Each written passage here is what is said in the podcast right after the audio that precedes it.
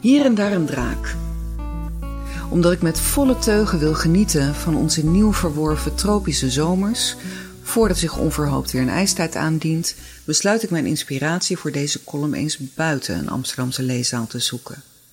Op de website van de OBA stuit ik, zoekend naar extra bibliothecaire activiteiten, op een literaire natuurwandeling vanuit de vestiging Mercatorplein.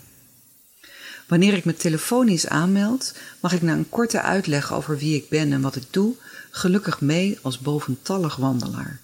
Er wordt een briefje op de intekenlijst geplakt als aankondiging van mijn deelname. Om kwart voor één fiets ik het plein op. Het mooiste plein van de wereld wordt later deze middag voorgelezen uit de rivier van Willem van Toorn. Het is maar wat je wilt zien, en dat op zich is een geruststellende gedachte. Onder de galerij aan de gevelwand, die eind jaren twintig het einde van de stad markeerde, is de ingang naar de bibliotheek. Binnen is van de mooie bouwstijl niets te zien, maar dat geeft niet, want ik heb er vorige week op het Roelof Hartplein al genoeg over uitgeweid. Bovendien kom ik vandaag vooral voor natuur en literatuur. Ik voeg me bij de verzamelde wandelaars en neem een glas water. Met deze temperaturen moet je veel drinken. Als ik opkijk van mijn eerste slok, verslik ik me bij kans. Een mansformaat baby schuift aan.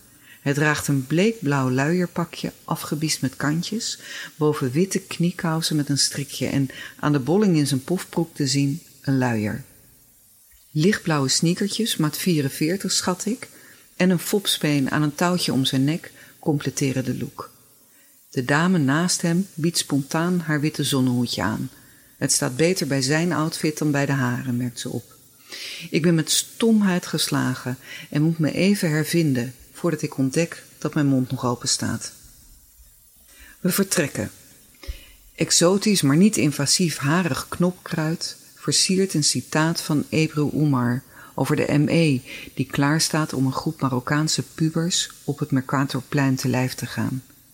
De muurleeuwenbek probeert het geweld klimmend te ontvluchten, maar bij gebrek aan houvast kruipt het maar verder over de stoep. Gelukkig hebben ME nog plantsoenendienst vat op het dappere plantje gekregen.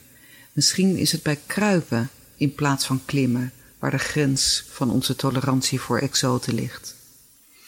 We wandelen onder bogen versierd met beeldhouwwerk, langs sociale woningbouwblokken van Schaapman, begeleid door een van zijn gedichten, dwars door het Rembrandtpark en over heksenkruid. Als je op heksenkruid trapt, vergeet je waarnaar je op weg bent.